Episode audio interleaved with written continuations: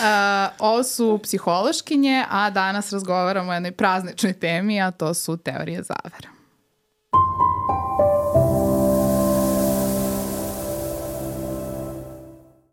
Epizodu snimamo 26. decembra, dakle praznici su počeli i čekaju nas, što znači da nas čeka puno okupljanja sa familijom, što znači kad budete sedeli za stolom sa, sa porodicom, sigurno vas čeka barem a, jedna od stvari o kojoj danas pričamo, a to su a, teorije zavere.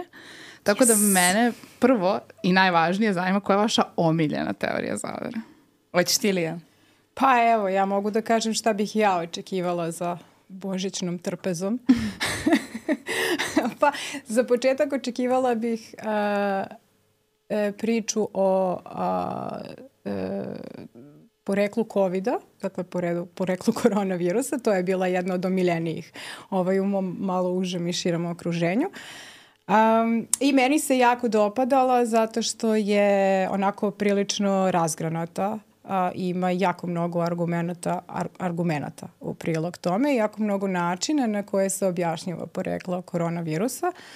Ovaj, a i ima jako mnogo objašnjenja toga zašto je neko napravio koronavirus ovaj, da nam svima poremeti živote i uh, neka od tih uh, objašnjenja su naravno vezana za um, čipove o kojima smo imali mnogo ovaj, prilike da slušamo, koji meni lično nisu bili pretarano jasni. O tome sam pričala u kolima na putu do ovde.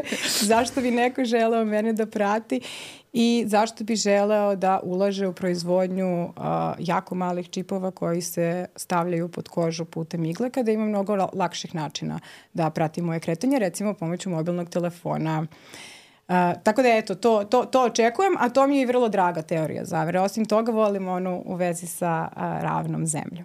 Jeste, ta je to meni me, isto jako simpatična. E, jako me zabavlja mm. uh, i baš sam uživala da čitam uh, o tome na koji način se uh, sve ljudima podmeće uh, kao činjenica to da je zemlja okrugla. Mm -hmm. mm, e, I super je, evo sad odmah da uletimo s prazničnom preporukom ko nije gledao film Behind the Curve o uh, o celom u stvari pokretu mm. ljudi koji pokušavaju da dokažu da je zemlja ravna, dosta je dobro i onako ih lepo i neosuđujuće prati celu tu grupu, baš je, baš je dobro. Ovaj, ali onda meni interesantno što sad kao i unutar te grupe ljudi koji kao evidentno veruju nešto što je jako teško dokazivo, uh, uh, i mislim najverovatnije neistina, da ne kažem sigurno neistina. Postoje trvenja, sad oni imaju neke svoje različite tabore i jedni za druge tvrde da su uh, cini, špijuni, ubočani elementi. Ove, ovaj, tako da mi je to bilo dosta zabavno kad sam, ove, ovaj, mm. kad sam istraživala razne teorije zavere. Moja lično omiljena je, uh, su reptilijanci. Prirodno. Ovaj, nekako mi je ceo taj koncept ljudi guštera super i kao postoje ljudi gušteri koji sad kontrolišu svet i oni su u stvari ono deep state, deep udba i sve ostalo, naravno, prirodno. E, i od ovih domaćih ono Arkanu kao da... Mm da nije umro, nego je na Kipru, živ, zdrav, sve ostalo. Ove, ali dobro, to su kao to lokalno, tako da. Da, da, da. Ali dobro, ja volim i lokalno. Dobro, lokalne su dobre, Arkan, dobre su, zgodne su. Da, da, da, to, to, to praktično ista da. osoba. Elvis. Da. Jeste, ta, to je ta duhovna vertikala. da. da. Ovaj. Ali dobro, možda da sada kad smo ovaj, navele sve ove uh, interesantne primere uh, teorija zavere, kažemo uh, šta su teorije zavere? E, da, hoćemo, samo moram pre toga da podelim svoju omiljenu teoriju zavere. Izvini. Ne, ne, to je u redu, to je u redu da me preskočiš, ali ovo se mora, mora, se, mora se reći. Dakle, moja omiljena teorija zavere je naravno kao i sve drugo, sve druge teorije sve druge misli o Titu. I to je, I to je, ovaj, to je ona, ona teorija da naravno Tito, onaj koji je nama bio prikazivan, nije to taj Tito i to su one klasične, to su one klasične teorije zavere o zameni uh, neke osobe tipa Tito i Britney Spears, ono podjednako im, ono, uticajne ličnosti, zapravo isti, isti vibe i Tito i Britney. Ove, ovaj, ali još da su, jedna duhovna vertikala. Još jedna duhovna vertikala, tako je. Ali zapravo najzanimljivije od toga mi je što je bio taj uh, jedan lik koji je bio zapravo Titov lekar, koji je tvrdio da Tito nosi u svojoj akten tašni, koji kao navodno nosio svuda sa sobom, koja je pravljena od zmijske kože, naravno.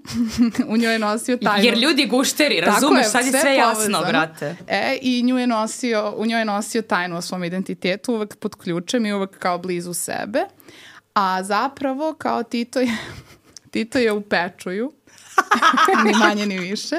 Za, odli specifik. Odli specifik i posebno ono, znajući neke stvari u našim životima, dakle u Pečuju, u Mađarskoj.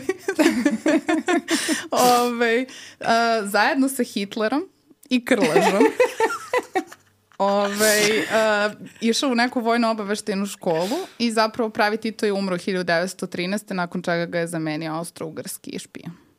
Tako da to je moja omiljena, omiljena teorija zavere. Dosta je razrađena. Dosta je dobra, uh, kao i sve u vezi s Titom, na kraju krajeva. Ove, tako da, eto, to, to baš volim i to volim da čitam. A, e, ali ajde da definišemo ajmo, teorije ajmo da zavere, da znamo o čemu pričamo. Zavere. I ja ću da krenem od toga kako zapravo u psihološkim istraživanjima definišemo teorije za zavere, jer kao što smo rekli, ovo su psihološkinje i zapravo nas zanima zašto ljudi veruju u teorije zavere iz jedne psihološke perspektive i obično se u psihološkim istraživanjima teorije zavere definišu kao narativi, kao priče, kao teorije, jel?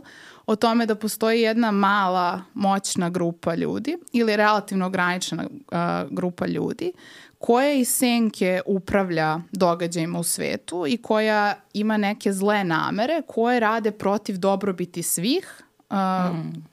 pod svih naravno mislimo na narod kao i uvek, a, a rade jel, za, svoju, za, svoju, za svoju dobit. I ti narativi su najčešće narativi u koji ne dozvoljavaju slučajnost, ne dozvoljavaju uh, ne dozvoljavaju nikakvu kompleksnost, ne dozvoljavaju nikakvu, nikakvu, nikakvu nema, mesta, nema mesta greškama. Tako da su to uređeni narativi o tome kako su se neki važni događaji odvijali i ko se zapravo nalazi iza, iza nekih, uh, nekih važnih događaja. A s obzirom na to da recimo uverenje da je zemlja ravna mm -hmm. nema nikakve veze sa nekim konkretnim događajem, nego se radi o uverenju o tome kako izgleda naša realnost. Ono, živimo u Matrixu ili ne. Mm -hmm. uh, mislim, zbog čega to takođe kategorišemo kao teoriju zavere?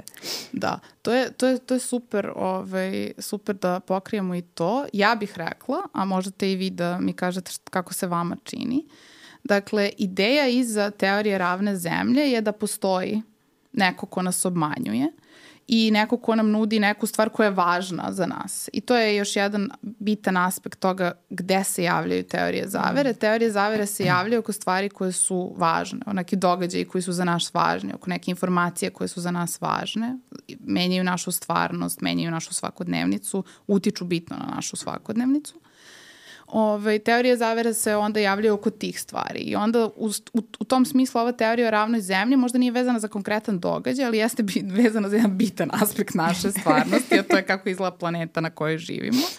Ovaj, I onda uh, ona opet podrazumeva dakle udruživanje neke male grupe koja pokušava da nam servira nešto i go, koja zapravo zna šta je istina, a servira nam neku drugačiju stvarnost.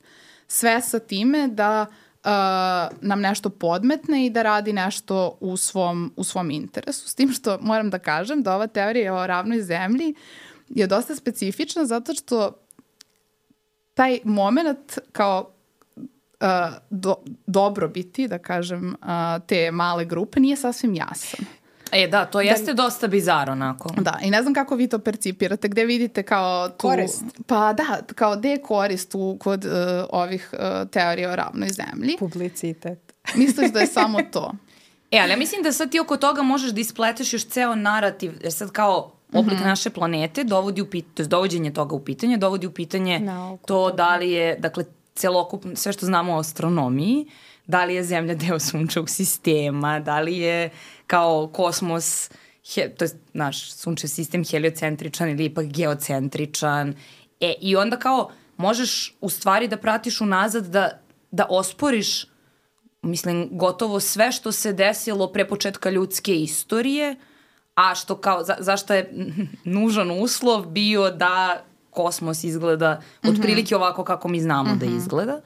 I imam utisak da u stvari ako se to dovede u pitanje, onda se mnoga velika pitanja relativizuju. Pa onda može da se relativizuje pitanje, recimo, globalnog otopljavanja, ra razna druga pitanja koja onda direktno u stvari mogu da idu zapravo u, nekome može ići u korist da je relativizuje. Mm -hmm. I dobro pričat ćemo i o tome zašto ovaj, zašto uopšte neke teorije zavere se uh, plasiraju i ko ih plasira. ko ih plaća. Ko ih plaća. Ko, ko ih plaća. Da, ali isto kao što nas pitaju ko nas plaća, nažalost nije. da, na, nažalost nas niko. Naša istraživanja takođe, nažalost, niko. Da, mi ono spletkarimo da volonterski potpuno.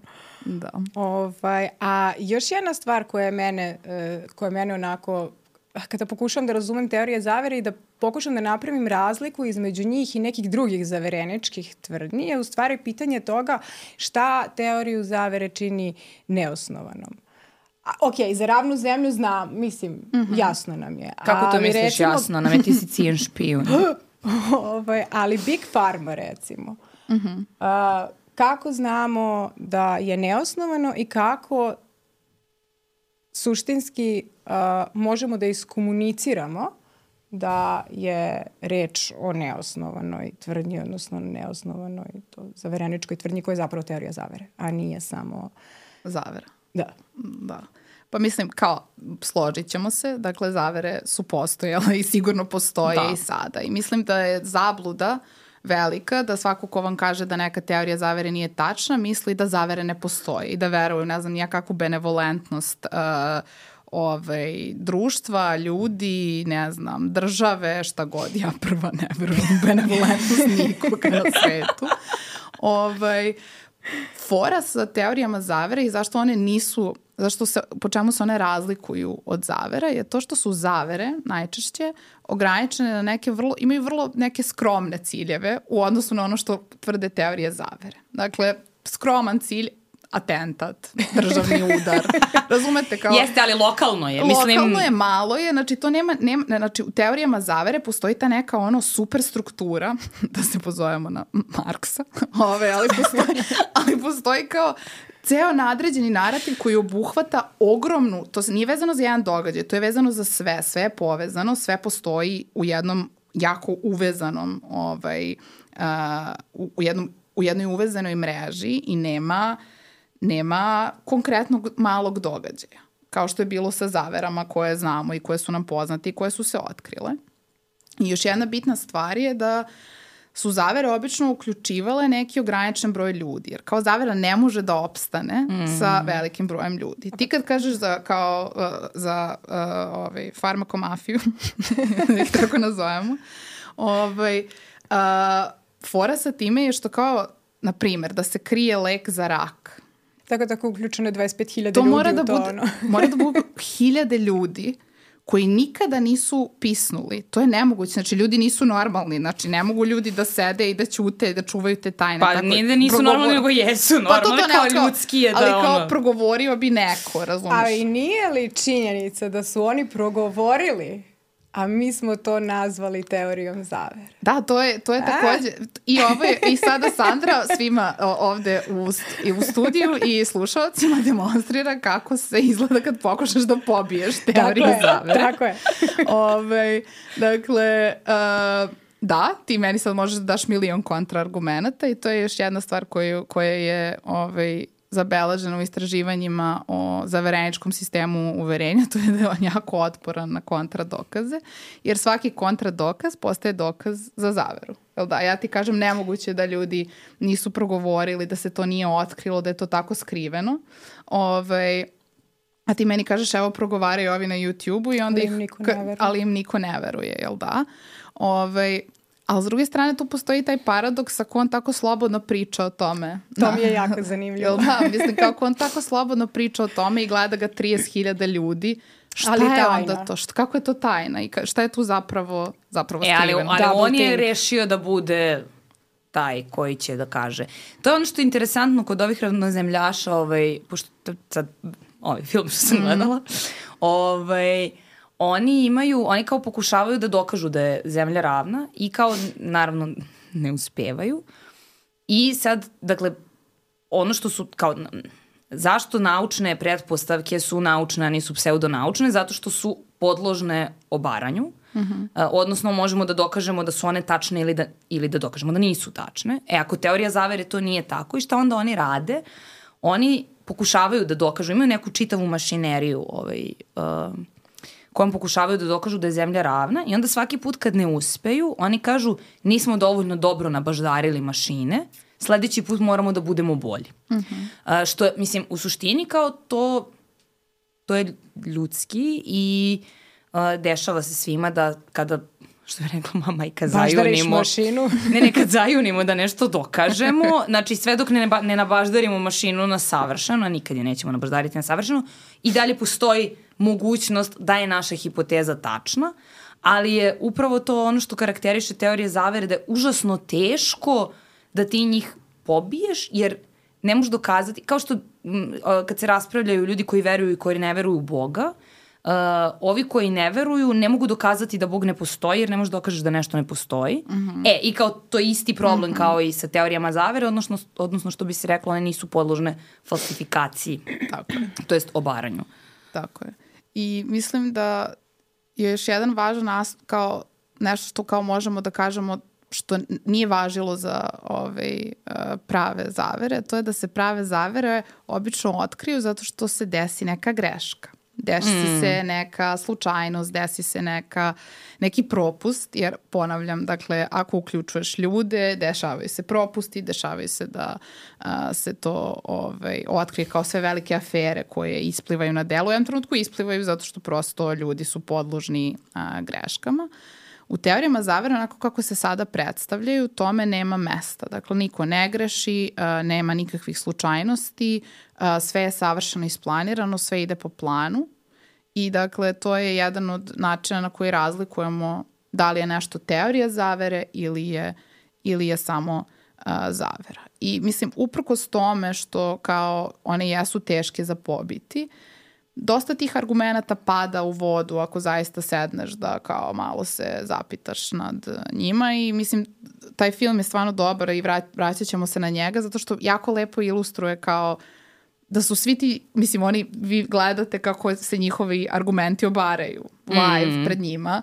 Naravno oni to ne prihvate, ali vi gledate obaranje argumenta direktno. I to je jedna od teorija zavere da je to dosta lako ovaj, prihvati, uh, lako uvideti, zato što, mislim, ti, ti, ti, ti ljudi ne polaze od toga da kao nijedan princip fizike ne važi, da je sve to, nego oni zapravo operišu u nekom kao okviru ovaj, uh, stvarnosti i onda ih testiraju, testiraju te ovaj, teorije nekim ono, aparatima, mašinama i slično. Mm. I vi onda gledate kako se to obara, samo što je to.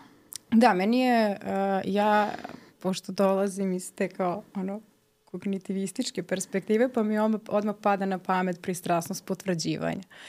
Gde ti suštinski a, tražiš pa onda one dokaze, odnosno uslovno rečeno dokaze, ajde informacije koje nađeš, interpretiraš i preferiraš, a lakše se i prisećaš informacija koje zapravo idu u prilog mm. nekom tvom mm -hmm. već postojećem uverenju. I, ovaj, I onda je baš zanimljivo da kao usled te pristrasnosti dolazi do, do, kao, do toga da se kao mišljenja ljudi još više polarizuju. Tako da grupe koje zastupaju, recimo, a, koje su za teoriju zavere i grupe koje nisu, uprkos dokazima koji obaraju teoriju zavere, postaju još više zavađene. Ovaj... I onda je još teže da se, kao, da dođe do neke komunikacije. Pa da, i onda se sve informacije koje se nalaze u sivoj zoni, koje nisu ni za ni protiv, interpretiraju u prilog uh, te teorije i služe kao, ovaj, mislim, to pridodaju gomili dokaza koji zapravo ovaj, idu u prilog uh, toj teoriji. Da, e, i kad, mislim sad izvini, ono, kad pričamo o pristrasnosti potvrđivanja, to je verovatno u stvari i najbolji mehanizam da. koji održava, koji, od, koji održava kod kao pojedinca verovanje u sad sve više i više teorija zavere, zato što mm -hmm ti prosto uh, tražiš one informacije koje će da potvrde pa da. to što, što, u što veruješ, što misliš da je tačno. Gde ih tražiš? Tražiš ih na internetu. Koji je dizajniran koji, za confirmation kao, bias. To, ono, algoritam je bukvalno u službi pa da. pristrasnosti potvrđivanja i onda te u stvari uvlači u u sadržaje koji su samo takvi i ti prestaješ da dobijaš bilo kakav drugi sadržaj. S druge strane, kao i kada izađeš sa interneta, ako želiš da sa ljudima razgovaraš o sa tim velikim pitanjima koje tebe muče, a ne samo o tome, ne znam, ono, šta je na sniženju, na sniženju u Zari, uh, ti, pa ne, ozbiljno, ti kao i tendencijozno ideš da razgovaraš sa onim ljudima koji veruju ono u što ti veruješ. I onda se u stvari prave ti mehurovi Jeste, jeste. informacioni, isko, kao užasno teško izaći. Pa da, a i kada odeš, kada recimo ono, u udobnosti doma svoga, a i u samoći, odeš na internet da potražiš malo o nečemu o čemu ne znaš, nećeš da kucaš. Ako te zanima da li je recimo uh, uh, obavezna dečija vakcinacija povezana sa autizmom, nećeš kucati ono uh, vakcina i ne znam šta, nego ćeš kucati vakcina i autizam. Mm. Da, i, i izaći će ti sve. Će ti dati ono sve da su ta dva pojma povezane i mnogo je veća verovatnoća da ćeš dobiti one rezultate pretrage u kojima se obe stvari pominju. Mm. I neki deo toga će sigurno biti uh, uh, u prilog tome da ta dva nemaju nikakve veze jedno sa drugim, da zato što je nešto vremenski povezano ne znači da je jedno uzrok drugome, a sigurno će gomila tih rezultata i to oni koji su dostupni širim masama, ljudima koji neće da odu recimo na Google Scholar, nego će da ono, googlaju mm. na Google ono što će ti biti najdostupnije, to je ono što je najsenzacionalnije. Mislim, i kao ako nećeš da odiš do 40. strane pretrage, verovatno, mislim, mislim da je verovatnoće da nađeš barem pre desetak godina nešto što će mm. da te mm. eventualno razuveri kao neki dokaz protiv, da tebe suštinski ono, to kako je dizajniran internet ograničava u mogućnosti da kao pokušaš da opovrgneš svoje uverenje ili začetak uverenja. Da, da, da, apsolutno, apsolutno. Da. Ali pritom samo kao, mislim da ne treba da očekujemo od ljudi da čitaju naučne članke za svako pitanje kako pa ne, se naravno, pitaju, pa da. jer kao ni mi to ne radimo, osim kad radimo nauku. Ne, da, Znaš zašto to kažem? Palo mi je na pamet kad su, i kad smo mi radili svoje istraživanja tokom uh, pandemije, a i kao učestvovala sam u gomili istraživanja, jer kao da su svi radili istraživanja, e i onda te pitaju kao, gde se kao informišeš o pandemiji, jedna od opcije je preko naučnih članaka, mislim, ja, ja sam čitala naučne članke, ali sam se ja lično informisala preko Twittera. Da, da, Mislim, da, da, kao, da, da. Jer na Twitteru se stvari dešavaju, OK kao algoritam moj je takav jer je prethodno tako isfiltriran da mi baš ono ne ispucava 200 Nestorovića, ali dobijem po nekog. Ali, ali kao, da li sam ja kao naučnica čitala naučne članke da proverim svaku informaciju o pandemiji, pa ne, brate, pa ne. mislim, i nije niko od nas. Ono što je problem je što u stvari su uh, sadržaji koji imaju zaverenički uh, ne moraju čak ni da imaju zaverenički sadržaj koliko da budu klikabilni, mm. da imaju zaverenički, da imaju naslov koji ti je onako intrigantan, a teorije zavere jesu intrigantne same po sebi. Da ne kažemo seksi. Seksi, što bi rekla naša mentorka. ovaj, I onda prosto to, ljudi na to više klikću, čak i da ne pročitaju do kraja više klikću i to ti izlazi kao, pa da. kao adekvatniji rezultat pretrage, iako nije, iako su neki dobri ljudi zapravo saželi neke informacije tako da budu čitljive ljudima, mm -hmm. kao ne moraš ti sad da sediš čitaš naučni članak. I dalje ovo prosto, ti, mislim, salijentnije, pa da. samim tim izađe, ovaj, izađe kao ono viši rezultat u pretrazi. Da, i mislim kad sad si spomenula tu salijentnost, mislim da je to ovaj, do, do, dobar trenutak i da, da kažemo zapravo koliko su teorije zavere prisutne i kao koliko ljudi zaista veruju u njih. I ja moram da kažem da... Da li ima više teorija zavere, zavere nego ljudi koji njih veruju? ne, ja moram da kažem da kao e, sva naša istraživanja pokazuju da većina građana i u Evropi i u srednjim američkim država veruje u bar jednu teoriju zavere. I ja sam sigurna kad bismo mi sad sele i malo prečešljale neke stvari, da bismo mogli da dođemo do nekih teorija zavere koji su i nama apsolutno plauzibilne. Mm. I to je, to je suština, dakle, većina građana neke države, ove države, drugih svake država, države. svake države, veruje u bar jednu teoriju zavere. I ja mogu da vam kažem neke podatke koje imamo uh, iz, uh, iz pa, to, koje, koje smo skupljali tokom pandemije.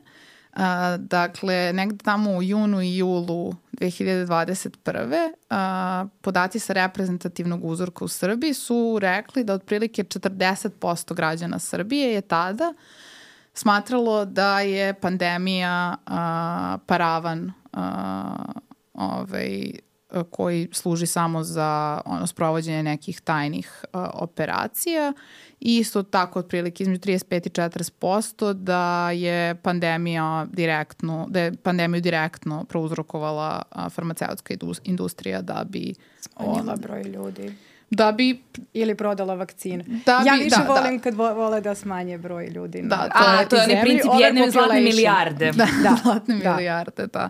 Ove, ali, dakle, Ja moram izmijeniti da kažem da sam se ja kao klinka jako plašila, mislim, zlatne, milijarde. milijarde, jer sam se plašila da li ću ja biti tu. Negde sam čula, a kao jebi ga dete si i, i kao radoznala si, izlažeš se Pa da. gomili, bila sam tinejdžerka. E, i kao internet je tad bio, da, i kao imali smo internet, ali, uh, mislim, sad ja tu sedim i nešto čitam i nemam ideju, mislim, kao, kao, kao što mnogi ljudi i rade, kao nemam ideju da sad tu neko možda mene obmanjuje i onda sam negde pročitala to o zlatnoj milijardi i bila sam u fazonu, mislim kratko me držalo, bila sam u fazonu jebote kao ja, šta ako ja nisam što ako nisam u zlatne milijarde. e, posle su srećom na tom istom sajtu krenuli pišu o ljudima gušterima i bila sam u fazonu, a, Da, da, Nije. kao ovo je, O, kao, ovo je o- moja ovo- granica. Ovo je malo skeči, kao... Da, da, kao, kao ne, da, u ljude guštere prosto ne verujem, mislim zato ih toliko i volim. Ovaj, i, I kao odlučila sam da to zlatna milijarda nije moja šoljica čaja prosto. Da, ali da, to je bilo, mislim kao, nije bilo definisano, bilo je kao farmaceutska industrija koristi, o, je izazvala pandemiju za svoju sobstvenu korist. Tako da tu bi potpala i zlatna milijarda, potpala bi i ova prodaja vakcina.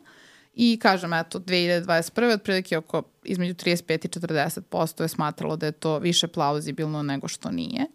A, tako da teorije zavere jesu rasprostranjene u smislu da, eto, većina ljudi veruje u, ovaj, u bar jednu. Međutim, o ovome smo pričali uh, u nekoliko epizoda do sada, ali kao tih tvrdih zaverenika koji ono imaju ceo, ceo ono spisak uh, do, dokaza za nešto, tih koji sede i kao pričaju sa kamerom i uh, otkrivaju ljudima istinu i koji imaju za sve kontraargument, njih je zapravo jako malo. I to je, to je suština, dakle tih stvarnih, tvrdih zaverenika ima malo, a većina ovih ljudi koja kaže da veruje, veruje zato što eto, postoji neka sumnja, nisu stvari onakve kakve nam se čine, ali ne postoji taj tako elaboriran, ono, kompleksan, složen narativ iza tog uverenja. Više kao Negde je, zabaguju u Jeste, nekom kao momentu. evo ovo mi se servira, ovo slušam, ovo e, mi se čini plauzibilno, e, čini mi se donekle uverljivo, ja bih rekao da je to istina, Mhm. ali nemam celu tu kao ovaj, neku pozadinu a, stravično, stravično složenu i zapravo velika je razlika onda i a, u tome s kim možemo da razgovaramo i čije uverenja možemo da menjamo. I to isto važi i za vakcine, važi za mnoge druge stvari. Mm. Dakle, tih koji su kao tvrdi, okoreli zaverenici, a, njih ima malo, a zapravo većina su ljudi o, sa kojima možemo zapravo da razgovaramo i koji ono, imaju neke sumnje, ali, mm. ali one nisu nisu iracionalne, da tako kažemo. Nisu E. suvo iracionalne. E, i sad kad si pomenula teorije zavere za vreme pandemije, uh -huh. uh, moram samo da kažem da recimo, ne verujem u njih, ali ovaj, moram da kažem da kao ta teorija da je farmaceutska industrija izazvala pandemiju da bi se obogatila, kao ona ima elemente koji nisu netačni, koji element nije netačan, pa to da je uh, kada se dogodila pandemija jako mnogo para uh, dato da bi se istražile vakcine, to jest da bi se razvile nove vakcine. Tako da kao postoji jedan element istine, samo što namera, dakle, ako ćemo ono zvanično objašnjenje, zvanično objašnjenje je da nije postojala namera da se pandemija izazove, nego je ona uh, prosto kao virus je prešao sa ono životinje na čoveka, a ali da li su se da li se influx para desio? Jeste. I kao to ono što bi se desilo i da jeste i da nije zavera. Isto kao i ovo za vreme za uh, kao korišćenje lockdowna kao paravana, naša vlast nije ništa uradila da nas razuveri da je lockdown nije paravan i onda si imao kao to, mislim, mnogi ljudi su se slobodno kretali, kao neki privilegovani ljudi su se slobodno kretali za vreme lockdowna, dok smo mi ono džedžali po 72 sata se kiselili u svojim dnevnim sobama ispred televizora vikendom. Uh, e, i onda kao kad vidiš da se to dešava, nekako budeš u fazonu, mislim kao mnogo lakše progutaš, pa da, kao sad ovi prevoze vozovima migrante, šta će raditi s njima, pa kao ne znam, naselit će ih u Čačak, mislim, da god, gde god. Čačak sve, idealno od sve, od sve, sve počinješ Čačak. mislim, e, i tako da je kao, prosto, um, imam utisak da što teorija zavere ima više tih elemenata koji su plauzibilni, koji su čak, mislim, zapravo i kad se ogole tačni, to je lakše da ljudi u nju poveruju. Mislim, posebno kad su u pitanju događaji koji su im, koji im u tom trenutku utiču na život, a brate mili pandemija nas je ono sve okrenula na opačke i baš nam je trebalo neko objašnjenje. Mislim. Da. Mislim da je jedna od najvećih ono grešaka koja je potekla što iz toga kako su a, drugi ljudi koji ne veruju teorije zavere pristupali onima koji veruju, što iz narativa koji je postojao kao na televiziji u određenim ono eho chamberima, taj narativ da ljudi koji veruju teorije zavere su glupi, ludi, paranoični, a, ovaj, a, ne znam, neuračunljivi, potpuno iracionalni. Moram sve da razočaram, dakle psihologija potvrđuje da to prosto nije tako. Mm. I zapravo verovanje u teorije zavere ne ide iz neznanja, ne ide iz neobrazovanja i ne ide iz, uh, da kažemo tako, prosto glupost. Eto, znači, teorije zavere ne idu, ne idu iz toga nego zapravo idu iz nekih drugih uh, potreba, iz nekih drugih uh, motiva. Pa Tako zato da, i cvetaju ono, u vremenima neizvesnosti, ono, roknete pandemija, ne zna šta se dešava, zaista je teško pomisliti da neko negde može da pojede životinju recimo pile, mislim kao šta god, mm. ne mora da bude šišmiš i da kao imamo ono globalnu zdravstvenu krizu koja nas to ono drži u lockdownu, mislim dve godine i ostalo. Kao prosto je svet deluje kao predvidljivije i sigurnije mesto ako postoji neka grupa pojedinaca koja se sastala ono, jedno podne, napravila virus i pustila ga na sve nas. I osim što postoji kao ono, to jedan locirani uzrok, ako postoji jedan locirani uzrok, znači da možemo i da ga uklonimo. Tako je. E, da, i da imamo protiv čega da se borimo. Mi sada znamo ko je naš pravi neprijatelj. Je.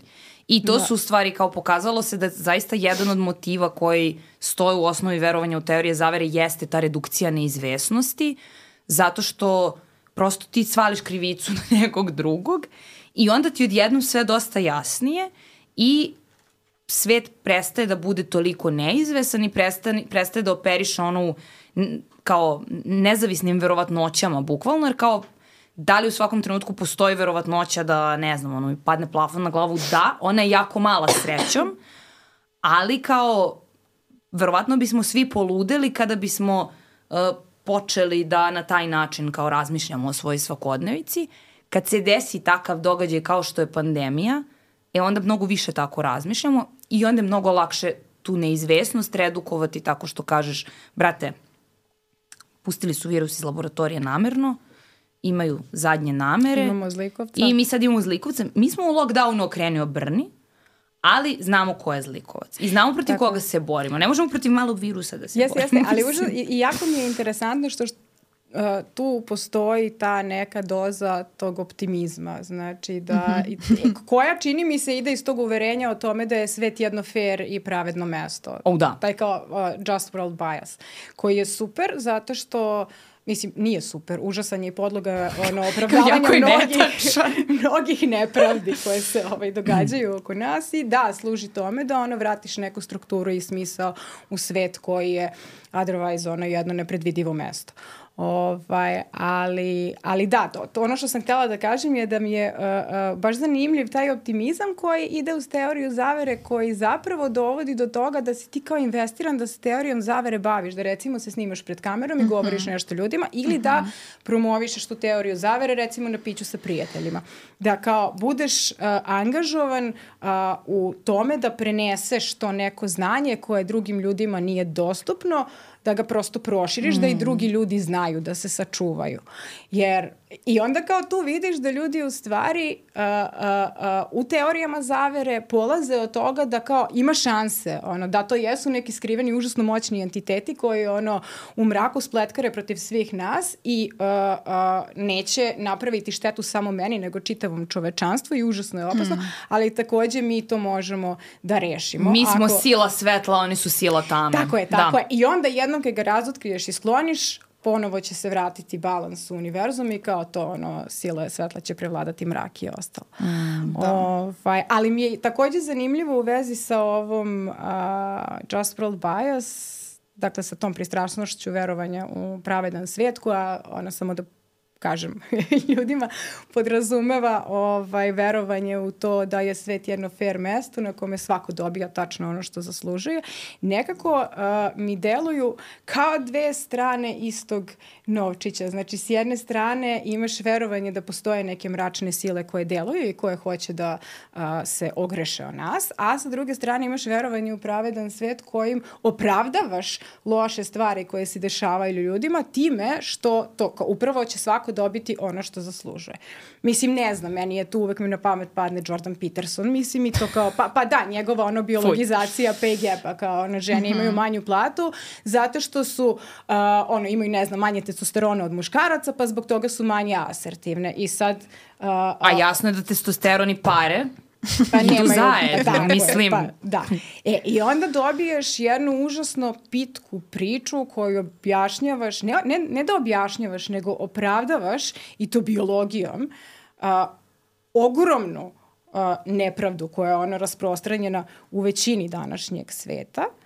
Ovaj, ali kao to, stvari su fair, žene nisu dovoljno asertivne, dakle dobile su tačno ono što su zaslužile. Da su se više trudile, one bi imale veće plate, prosek njihovih plata bi bio isti kao prosek plata muškaraca. E isto tako ovde imamo jedan potencijal da se mm. stvari vrate na, na, na, na neko uh, svoje ono prethodno stanje. Fabričko podešavanje. Pa, tako je, da, da, da. Ali baš mi je ono zanimljivo bilo, zato što kao suštinski imam utisak da to verovanje u pravedan sve takođe služi tome da održiš teoriju zavere. Pa da, mislim kao sve što ste sad rekle je ono što pokazuju upravo kao i sva psihološka istraživanja. Uh, to je ta kao ljudi ne veruju teorije zavere zato što su glupi ili neobrazovani ili bilo šta slično. Ljudi veruju teorije zavere zato što imaju potrebu da osjećaju snažan osjećaj, da imaju snažan osjećaj kontrole nad svojom sudbinom. Imaju potrebu da eliminišu neizvesnost i da eliminišu slučajnost i da ne dozvole da, slu, da je slučajnost nešto što može da oblikuje moj život, mm. jer je to mm. dosta strašno, mislim. Jeste. I bilo je strašno u pandemiji, strašno je i inače, da meni može slučajno nešto da se desi što će potpuno da mi okrene, uh, okrene život. I onda je bolje imati krivca, imati žrtvenog ono, jarca na koga prebacuješ uh, odgovornost s jedne strane odgovornost, a s druge strane možeš da mapiraš i to je ovo što si ti rekla sad kad si spomenula Jordana Petersona i slično. Dakle, sve abstraktne stvari se ono svode na kao neku, imaju neku personifikaciju, jel? Postoji neka osoba, postoji neka grupa, postoji neki, uh, neki ono uh, a, razlog zašto je to tako, to nisu ono, to nije društveno uređenje, to nije neoliberalni kapitalizam, to nije, to nisu kao neke ono a, a, strukturalne stvari, ne, to su mali, moćni, zli ljudi koji nam rade o glavi, moji lični neprijatelji me uznemiravaju do krajnjih granica i tada. Dakle, teorije zavere idu iz te, iz, više idu iz toga. Znači, mi u mm. istraživanjima prosto ne nalazimo dramatične razlike između ni ljudi et, različitih etničkih identiteta, pripadnike različitih država, ne nalazimo razlike mnogo između muškaraca i žena, ne nalazimo razlike između obrazovanja. Verovanje u teorije zavere generalno nije povezano sa uh, inteligencijom. Mislim, sve je povezano sa inteligencijom zato što je to da. takva varijabla, ali kao neznačajno. Dakle, teorije zavere, znači to nije glavni, nije glavni ovaj, mehanizam koji ih vodi. Uh, I mislim da je jako važno da, da, da spomenemo da prosto taj, ta potreba da se teorije zavere svedu na nešto iracionalno zapravo maskira čemu one služe. I dakle, teorije zavere se ne dešavaju slučajno. Znači, one se podmeću sa namerom. One da li je se... ovo teorija zavere? Da, naravno, naravno. Ove, ali, dakle, one, one imaju, imaju svoju svrhu, imaju svoju nameru i mislim, pričale smo o tom podatku da kao većina tih lažnih informacija, na primjer, većina antivakserskih teorija zavere dolazi od ono 10 ljudi. Dakle, kada se uradi analiza, 65% svih uh, dezinformacija o vakcinama dolazi od samo 10 ljudi. Koji, hrabrih 10 ljudi. Hrabrih 10 ljudi koji od toga zarađuju, dakle... Mlate milione. Dakle, doslovno milione. Dakle, ovaj, ostavit ćemo vam to naravno ovaj, u opisu, ali dakle ljudi zarađuju doslovno 100 miliona od toga što, do, znači 100 miliona ovaj, od toga što šire teorije zavere. Dakle, to nije nešto što dolazi slučajno. Dakle, to se, to se podmeće sa jednom ovaj, jasnom, jasnom namerom. A s obzirom da a, o teorijama zavere uvek pričamo kao nečemu što je potencijalno opasno, I okay, da. A, mada ne bih, mislim, kako da kažem, nije pretarano opasno za mene to što ću ja, ne znam, da ostavim ono 5 dolara nekome, ono, tako što ću pogledati njegov klip. Ali čini mi se da kao određene teorije zavere imaju mnogo, mnogo, mnogo gore i ono šire implikacije, mislim, po, kao ne mhm. pojedince, nego mislim kao čitava društva. Recimo, teorija zavere u vezi sa vakcinama, gde kao to ljudi odbijaju da vakcinišu decu ili su neodlučni u vezi sa vakcinama a, a, svoje dece. Uh, što ne dovodi u opasnost samo njihovu decu, nego i drugu decu. Pa i evo nam ga veliki kašalj, mislim, pa, kao vraća se. Dakle, te, tebi vrata. treba određeni nivo pokrivenosti koji se na ovaj način urušava i kao to, z, z, jasno je da je to da. opasno, ali postoje i teorija zavere, opet da se vratim na ravnu zemlju, mislim, ja, de, to, to ne, nije opasno ni za koga. E sad, uh, overall, ako se mm -hmm. kao pričamo o tome, mm -hmm. jesu li one loše, nisu loše, jesu li opasne, za koga su opasne?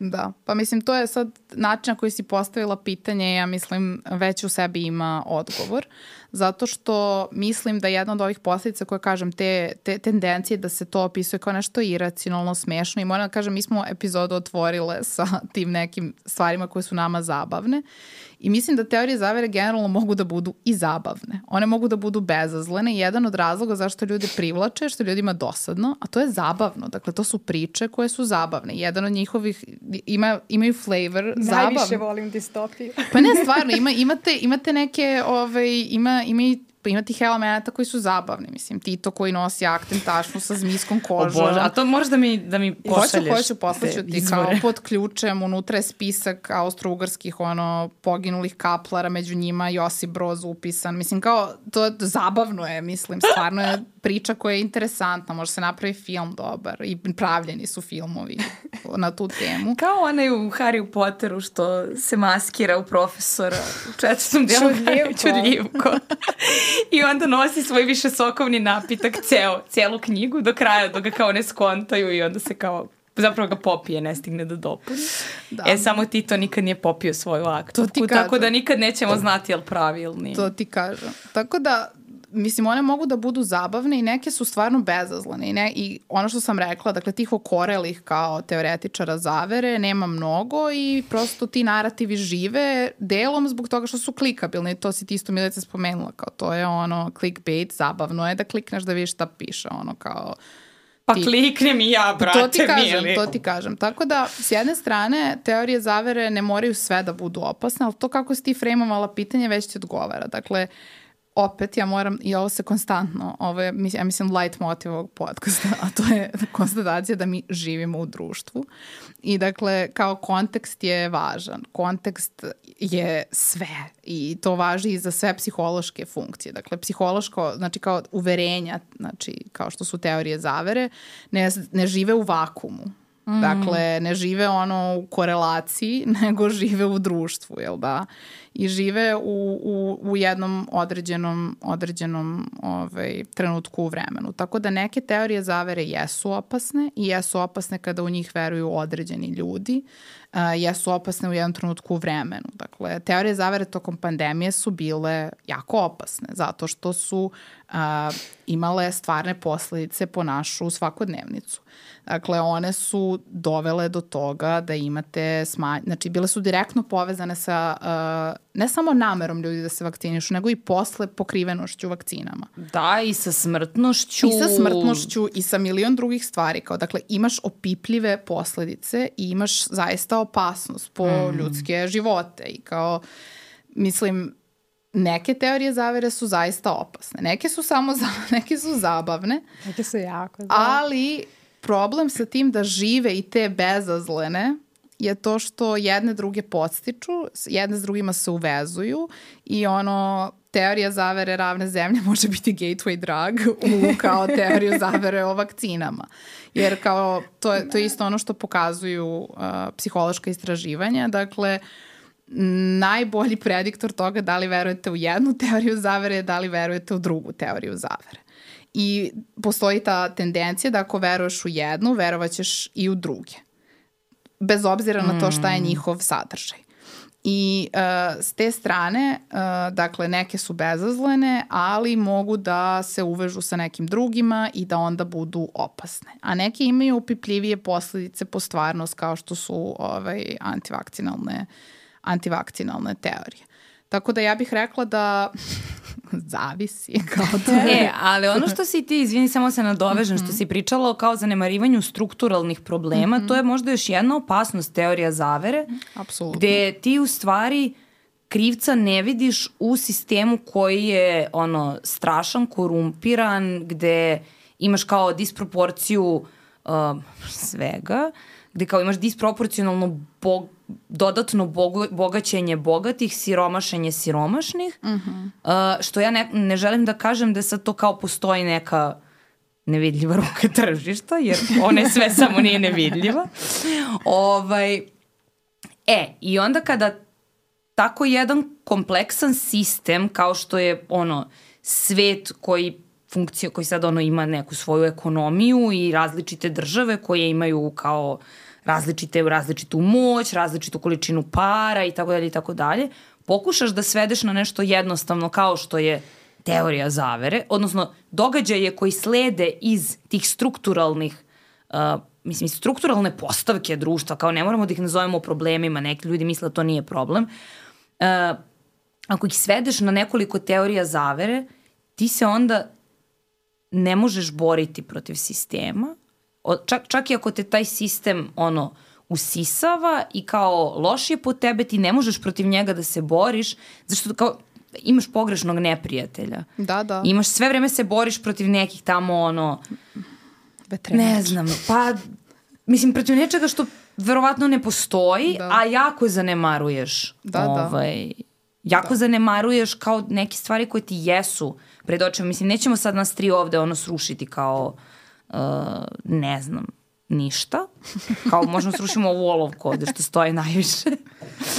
Ali je vrlo bitno biti svestan kao odakle idu uh, odakle idu neki društveni problemi i ne svoditi ih na, ne banalizovati ih. Imam utisak da teorije zavere često banalizuju kompleksna pitanja. Apsolutno i to ono što je Sandra pričala, dakle ta, ta to frejmovanje određenih stvari kroz, ne znam, eto, pay gap je poslednica bioloških razlika. To su stvari koje, jel, ne možemo ni da menjamo ako su biološke i služe za opravdavanje... Ali možemo da režimo. Pa, tako je, i kao služe za opravdavanje sistema. I Mislim, možemo da uđemo i u to da kao, da li je farmaceutska industrija jedna mala, benevolentna industrija koja samo želi svima nama dobro? Pa Naravno ne. da nije, ali da li farmaceutska industrija želi da zarađuje pare? Da. I da li joj se isplati da zarađuje pare? Da. I da li će onda da, da bukvalno radi sve da te pare zarađuje? Mislim, ako hoće da nas struju, to im se ne isplati prosto. Mislim, da, kao... i najbolji primer je ovaj uh, lek za spinalnu mišićnu atrofiju uh mhm. -huh. koji košta koliko 2 miliona dolara. Uh mhm. -huh. Gde vi sad imate kao vrlo jasno farmaceutska industrija napravila nešto što šljaka sa 100% efikasnosti. Mm. Kao gotovo 100%. Naravno nikad efikasnost ničega nije 100%, ali ovo skoro 100% efikasnost.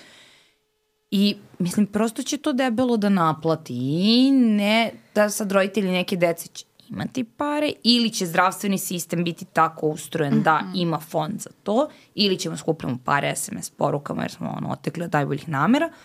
Neki neće, ali kao lek postoji toliko košta. Samim tim ideja da postoji lek protiv, na primjer, raka, a da ga kriju, je potpuno besmislena, zato što kao ima, mislim, ima leka ko će da plati ako lek postoji. tako je, tako Problem je što ne postoji, mislim. Da. Pa jeste kao priča sa vakcinama, užasno su jeftine. Ne, nema nikakvog smisla napraviti pandemiju pa prodavati vakcine kada možeš da izazoveš neku težu bol. Mislim kao prosto ne, ne moraš na taj način ono da zarađuješ pare. Mislim, od vakcina se nećeš obogatiti. Tako je, vakcine da. su zapravo ono... Uh, A i preventiva su, mislim da, kao, da, da, da. bukvalno je bolje da I nemaš vakcinu kao... i da prodaješ lekove kao Tako ono kron, mislim. Tako je, i to je jedna od stvari na kojoj zapravo farmaceutska industrija najmanje zarađuje. I za da se vratimo na kao to ko vam plasira teorije zavere, dakle, dosta ljudi koji plasira teorije zavere vam onda nudi alternative, jel da? Nudi da. vam suplemente, nudi vam uh, ovaj, neke takve stvari koje... Bazi moram da kažem da dosta i tih suplemenata pravi ista ta farmaceutska industrija i da farmaceutska industrija mlati mnogo veće pare od tih suplemenata nego što plati, mlati od vakcina. I samo kada se kao malo tako stvari poslože, ovaj, onda, onda, ovaj, uh, onda neke stvari budu jasnije. Pametno me dosta. Pametno me dosta, da. ali, ali da, mislim to je, to je, to je ceo taj, taj paket toga da kao zaista maskiraju ovaj, stvarne, stvarne probleme i odvraćaju ljude od stvarnih problema. Jer kao da li postoji problem sa farmaceutskom industrijom? Da, zato što naplaćuju lek 2 miliona dolara kao, i treba time da se bavimo a ne da se bavimo kao da li kriju lek za rak, stavljaju čipove u vakcine, što je opet besmisleno zato što imamo telefone i kao već nas prate, kao mm. i sve znaju o meni, kao mislim kao meni, slabo vajda, ali kao, mislim ako žele mogu da znaju. To i kao pritom, uh, a, farma, kao ako se i desi da farmaceutska kompanija baš toliko hoće da samo profitira, a ne pomogne ljudima, to se u stvari dosta brzo razotkrije. Hmm. Uh, jedno, po, jedan od poslednjih primera je ovaj Purdue Farm i mm -hmm. Oxycontin.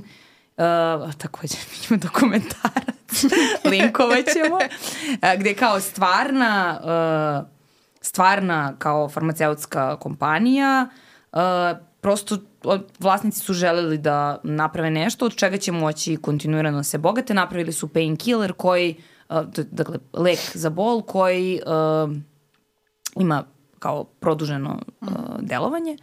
Sad, verovatno brljam termine zato što se apsolutno ne razumem u farmaciju, ali otprilike je to koncept.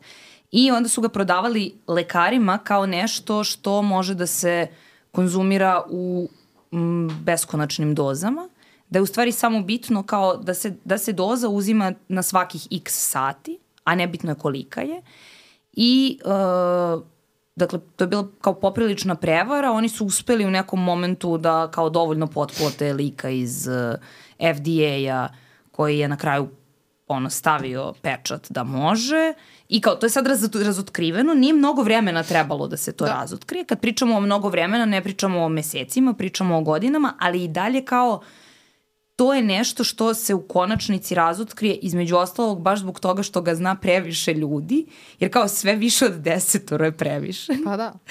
A mora ga znati, mislim kao vi da biste imali takvu mašineriju koja će da pravi lekove, vi morate ono, makar u tim početnim koracima proizvodnje imati ljude koji će kao znati da se dešava prevara. I u nekom momentu će neko nešto da kaže, mislim. No, Da, ali sam takođe čula jako mnogo ljudi koji koriste baš priču o oksikontinu kao dokaz Pa da, da zato što to e, tako Da, radi. i to je problem, to je problem kao... Jer kao, evo vidiš, desilo se, znači oni su to uradili, znači desilo se baš ono čemu mi pričamo, da, ok, nije isti lek, nije ista, ono, mislim kao to, oblast medicine, bla, bla, bla, ali dakle, to se dešava. Dakle, ljudi pokušavaju da zarade pare, a da mi budemo njihova kolateralna šteta. Znači, kao, i onda to, to kao svi, čitava mm. ono, ovaj, farmaceutska industrija je u stvari farmaceutska mafija. I ne, kao, jeste, to ima jeste. jedini cilj. Mislim. Jeste i kao mene to, mene to lično jako ljuti zato što eh, ljuti me kad se dese takvi slučajevi zato što smanjuju poverenje u nauku, ali imat ćemo epizodu o pa da. poverenju u nauku,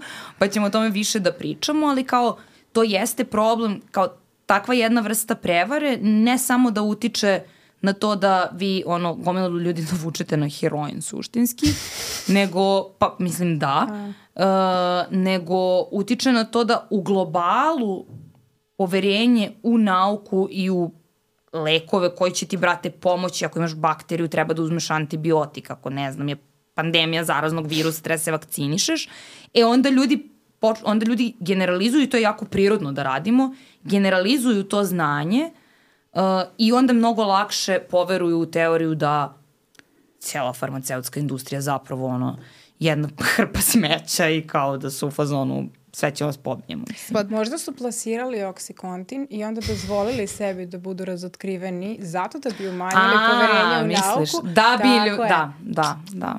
Kidaš ovo, bre. A, mogla, bi, mogla bi da... Ovaj, mogla bih da lansiram Mogla bi ovaj profil psihološkinja da se iskoristi u neke, neke druge svrhe. Lukrativnije. u neke lukrativnije svrhe za... Da.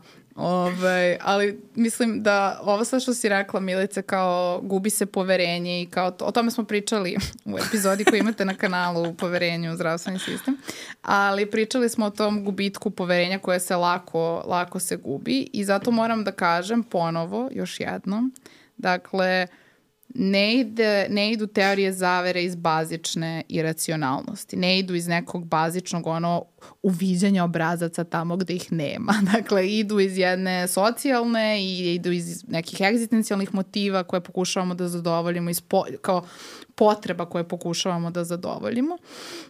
I s tim u vezi mislim da, da ovaj, uh, treba da se zapitamo, mislim, evo, meni je to bilo simptomatično, uh, Dakle, otkud Nestorović u Skupštini? Je li to zato što su ljudi jako iracionalni, ludi? Ovo je nenormalno. Ko glasa za ove ljude? Da smo bili svi šokirani. Ja, evo, ako pogledamo psihološke istraživanja o teorijama zavere, baš nisam bila šokirana. Ne znam koji je, koji je, bio, vaš, koji je bio vaš utisak nakon Ja isto nisam bila šokirana. Mislim, očekivala sam ne mogu, da, ne mogu da kažem da sam očekivala konkretno njega, ali kao on je samo prosto dobio deo glasova ono, desnice koja jeste bila protiv vakcina, protiv pandemijskih me, ovaj, protiv pandemijskih mera i tome slično. I onda se to nekako sad samo prelilo, imam utisak u njega koji je otelotvorenje svega toga i koji je kao jedan... I koji ima medijsku pažnju, mislim, Jeste. i koji ima neki vid harizme, ono, koji je ljudima... Uh, Jeste, kako da kažem, pitak, a uz mislim. to mnogo bitno, on ima to je ono, pre neki dan smo ti o tome pričale, mm. kao, uh, izvini što ti kradem show sad, ali ne, ne. ima to kao spojio je uh, ekspertizu, dakle on jeste doktor medicine i jeste profesor medicinskog fakulteta u penziji, to stoji, dakle on ima taj osnovni naučni autoritet, ali ima i tu mudrost običnog čoveka, što bi se mm -hmm. reklo, odnosno je, on je lekar i jeste profesor, ali to je, on voli da se našali, blizak je ljudima, ne gleda ljude sa visine, voli malo i da popije, dakle sve, sve, sve što treba radi. I ja mislim da je to baš dobitna kombinacija bila. Nekako. Pa da, mislim, mislim kao uh, jedna od kao velikih opasnosti sada u širenju teorije zavere je baš, su baš ti likovi. Dakle, kao ovo je naš lik, ali ima ih svuda po svetu. Ti likovi koji su pristupačni, koji su simpatični, koji su šarmantni i koji, ovo što si rekla, mire neku ekspertizu sa nečim o čemu nemaju pojma. I to je, taj, to je, ta, to je, ta, to je ta nezgoda sa kao autoritetom. Naravno, znači o tome smo isto pričale, A, naravno da treba da delegiramo poverenje. Kao društvo se bazira na tome da ću ja da verujem ono a, lekaru da može da me izleči jer ne mogu sama da se lečim jer ja to ne znam, a meni neko treba sada da veruje da sam ja ono radila već ne znam nija koliko istraživanja o teorijama zavere i da imam neka znanja jel, o tome i da sad nastupam ovde iz te neke ekspertize. Dakle, poverenje se delegira i to je u redu i kao ljudi u redu je što su ljudi verovali, što ljudi ho, veruju lekaru. Mislim, to je kao Apsolutno. apsolutno u redu. Samo što je nezgodno kada neko koristi svoju ekspertizu i onda je širi na stvari u kojoj nema ekspertizu, a istovremeno ima taj, taj nastup. Tako da to je jedan od načina na koje se teorije zavere šire i vraćamo se na to da li su neke opasne i vraćamo se na to kako mogu da se iskoriste da se ljudima proda neka priča koja je pitka, da se onda ostvari neka stvarna moć, neka politička moć, neki politički ovaj, uh, uticaj, jel, sada evo, u Skupštini ili slično. Jeste, sa sve uslovljavanjem da, ne znam, neće biti vlasti ako uh, se sad, šta je rekao, ne ukine zakon o rodnoj ravnopravnosti. Dakle, kao to su neke jako ozbiljne posledice po naš svakodnevni život. Uh, a bio je onaj dosta dobar mim koji je neko napravio u izbornoj noći. Uh, onaj mim format, okačit ćemo i to. uh, samo ne znam čiji je, pa kao ne mogu kredit da stavim. Ali onaj mim format sa dominama kao od najmanje do najveće i sad kao najmanja domina koju je lik gurnuo je ono, neko je pojeo slepog miša u Kini, najveća domina je Nestor u Skupštini 2023. I kao to stvarno jeste tako, još veća domina iza toga je ono, ukidanje zakona o rodnoj ravnopravnosti ako se desi.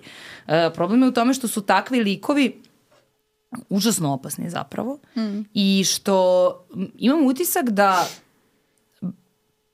njegov, njegov nastup i način na koji on prikupio uh, prikupio simpatije, onda i glasove drugih ljudi, u snažnoj disproporciji sa onim što on zapravo radi i šta je njegov motiv. Mislim da se ne lažemo, njegov motiv su pare i moć, za pare... Kao, je, kao i svači motiv, dakle, to, to je kao suština. E, da, da, ali, kao... ali postoji ta ideja, postojala je sve vrijeme da. ta ideja, dakle, imamo ove, ovaj zli krizni štab. Da. Oni su uh, državni plaćenici, DB-ovci, uh, plaćenici farmakomafi, dakle svašta sad razno. E, a on je jedan ono običan čovek iz naroda, ali zdravorazumski, lekar, zdravorazumski ono. sve, samo vi malo ono, malo rakije i bit će sve okej. Okay. Uh, a svi imamo Robin rakiju. Hood. E, Hvala prirodno, Bogu. prirodno. E to, bukvalno Robin Hood. Mm. Uh, ono što on zapravo radi, uh, a što kao je podatak do kog može lako se dođe, jeste da on ljudima prode, dakle on je u penziji, sad više kao ne, ne radi ono uh, u ustanovi, bar ne uh, zvan, kao ne, neformalno zaposlen. Satvornog tipa. Ali on prodaje ljudima suplemente, mm. uh, št, između ostalog suplemente uh, koji pomažu uh, kod, autist, kod autizma. Uh, što između ostalog znam iz kao lične interakcije sa osobom koja ima dete sa autizmom u porodici i kako roditelji tog deteta šta sve kupuju, kunu se u Nestorovića. To je ostavljanje ogromnih para uh, na nešto što nema nikakve ono dakle ni, ni, nema ako ništa drugo nije prošlo ozbiljnu ono proveru kakvu prolaze oficijalni lekovi odnosno možda radi a možda i ne radi a znajući kao šta je autizam i uh, uh, kao, kako se, ne samo kako se manifestuje, nego i od, otkud. Uh, dakle, za autizam sigurno ne radi.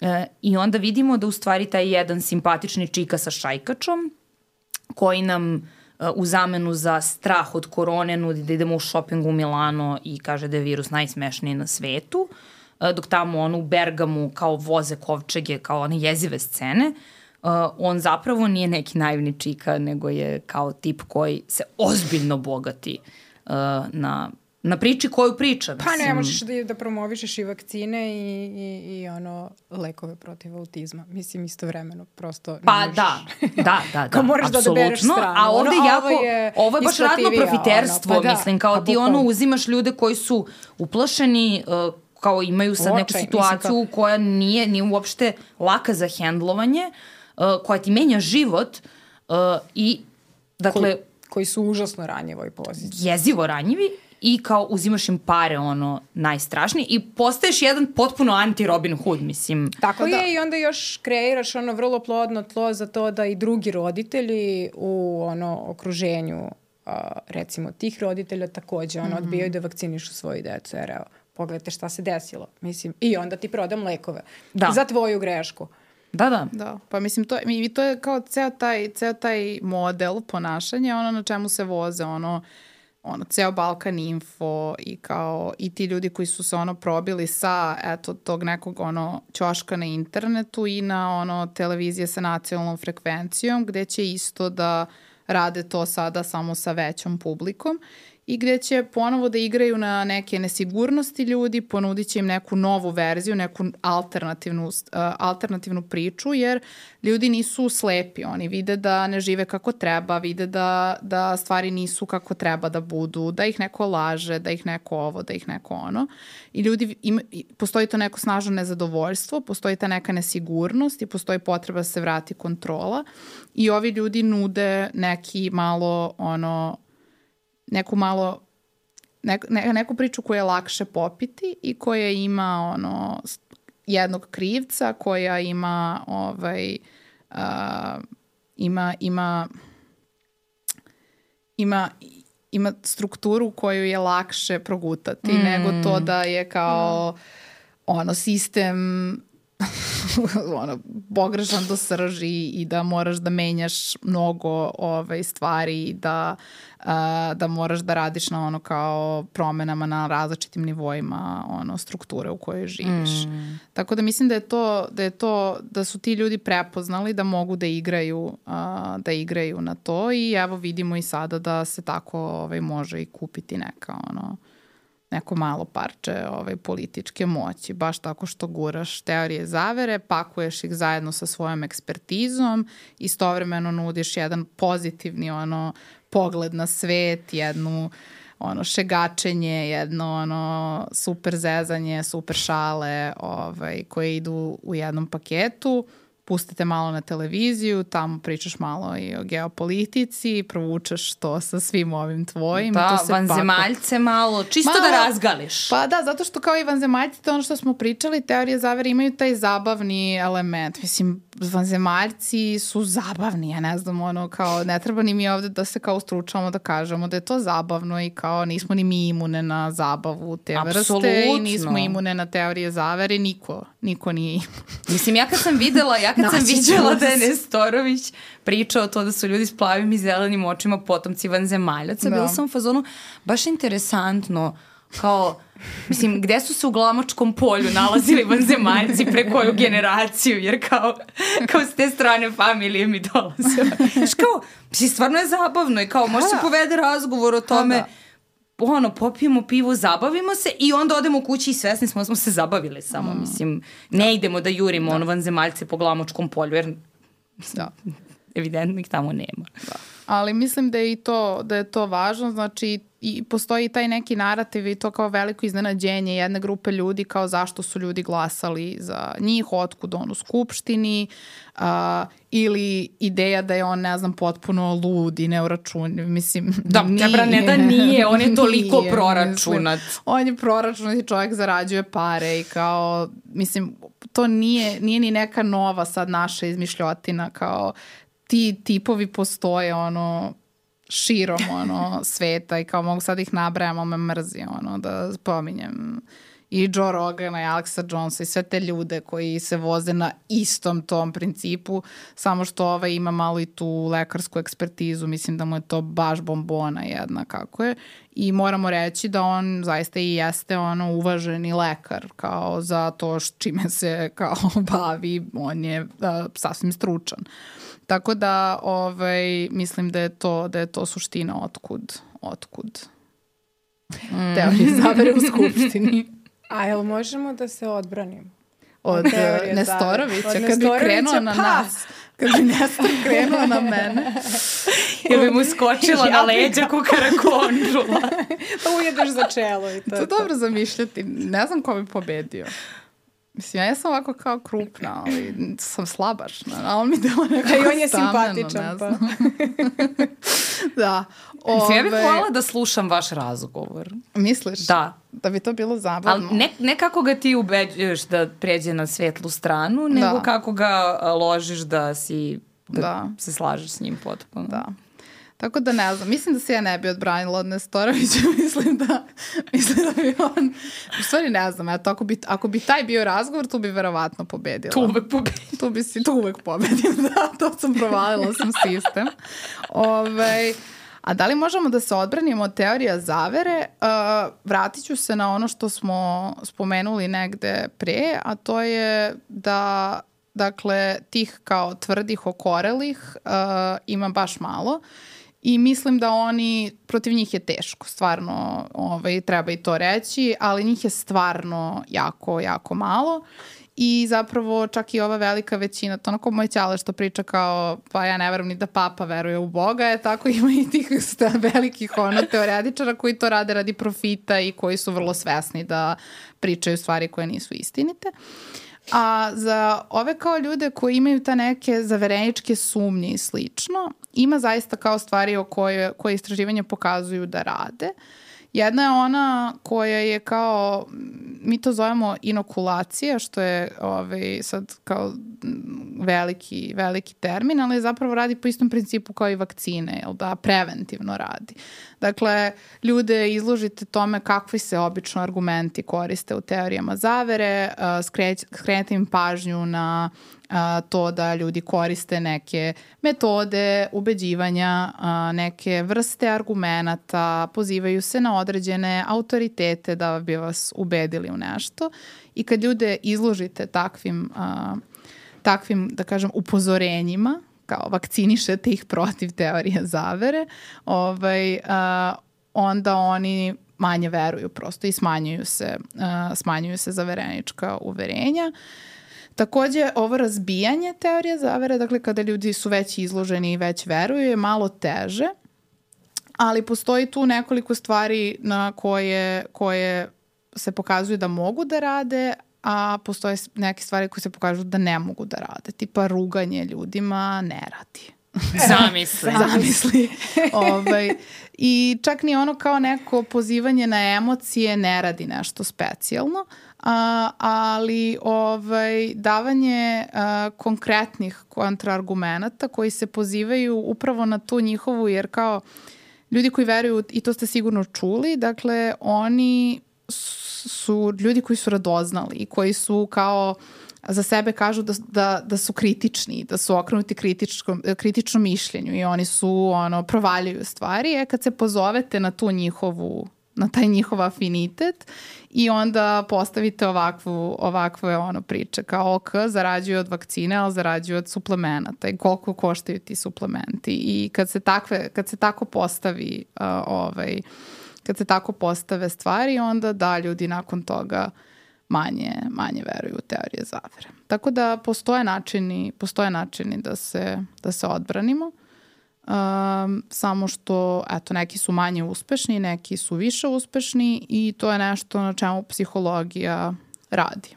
Mislim, to su neki podaci koje imamo, neki podaci koje probamo, imaju tih nekih raznih igrica koje su razvijeni, koji se bore protiv lažnih informacija i teorije zavere i kao to jeste nešto što je moguće, samo što opet ponavljam, va, bitno je za koga, bitno je za šta i bitno je u svakom tom kao borbi protiv teorije zavere. Dakle, razumeti da su one i političko sredstvo i da, da one imaju ovaj, iza sebe neku vrstu namere koju čak i koja kada se rasvetli ovaj, može, da, može da pomogne u smanjenju. Jer kao na primjer ono, u Americi uh, imate snažan, koji na primjer kod nas ne postoji. Kod nas ljudi ne veruju u to da su klimatske promene laž. Znači to u tu teoriju zavere jako malo ljudi ovde veruje. Zašto? Zato što ovde ne postoji snažan lobby. Mm. Suprotno, mislim, to je prosto tako. E, u Americi, zašto većina republikanaca se zalaže za to? Zato što imaju jake sprege, ono, sa naftnom industrijom, sa kao različitim ovaj, uh, tim uh, lobijima i prosto njima ide u prilog da zagovaraju to. Tako da teorije zavere su ono, moćna politička, uh, politička sredstva, nisu tako pale s neba odjednom slučajno zato što su zabavne ljudi gušteri, nego zato što, zato što imaju svoju, imaju svoju jasnu svrhu. Tako da sa te strane to je još jedan način na koji se one suzbijaju, tako što se osvetljava njihova, njihova stvarna namera. Thank you.